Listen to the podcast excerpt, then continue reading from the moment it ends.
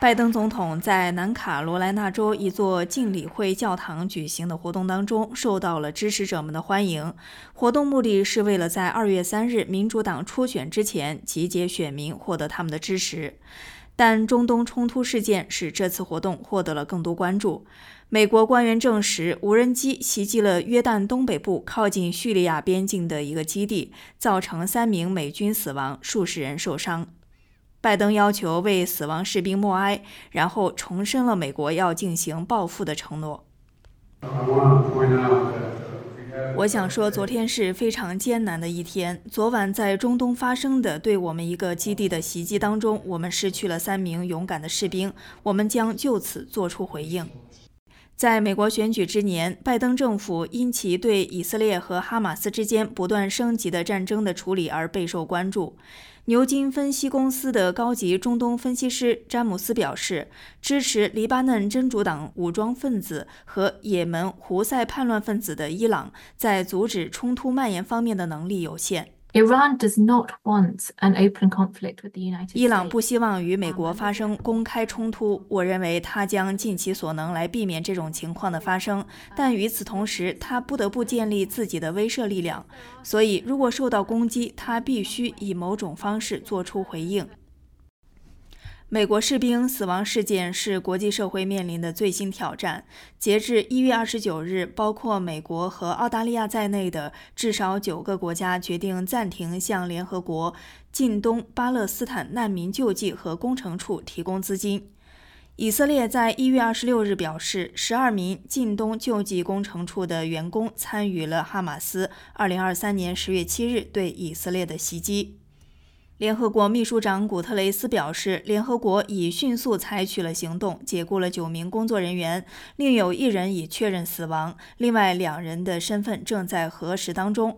与此同时，他恳求各国继续向近东救济工程处提供援助，因为两百万加沙平民每天的生活都要依赖于该机构的援助。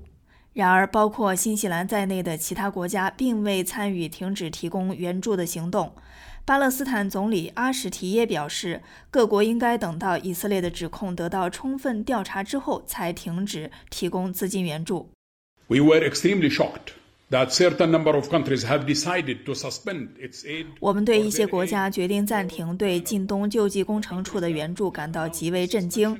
宣布暂停援助的国家的援助金额占联合国救济和工程处年度预算的百分之七十。这一决定极其危险，我们希望它能够被扭转。加沙地带的巴勒斯坦人对失去基本援助感到沮丧。卫生部表示，该地区至少有二万五千九百人死亡，超过六万四千人受伤。流离失所的居民萨芬表示，全世界都对那里令人绝望的人道主义局势负有责任。上周日，停火出现新的希望。有消息称，美国中央情报局局长伯恩斯在巴黎会见了埃及、以色列和卡塔尔高级官员。以色列表示，各方进行的讨论富于建设性。但是在以色列总理内塔尼亚胡表示，以色列与哈马斯之间仍然存在重大分歧之后，以色列国防部长加兰特表示，以色列别无选择，只能加强在加沙南部的行动。我们将增加和深化这种压力。我们将继续行动。这种情况现在正在汉尤尼斯西部地区发生，许多恐怖分子投降了，在其他地方也是如此。我们的行动还会加强。你会看到，我们在未来几天内都会看到，因为我们别无选择。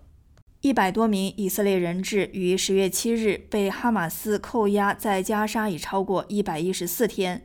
这些人质的家人直接与内塔尼亚胡对话，呼吁他达成某种交易。奥盖特的妹妹卡梅尔被关押在加沙，他表示双方都需要做出妥协。现在仍然有一个悬而未决的问题，这只是在浪费我们的时间。这个问题就是关于停火。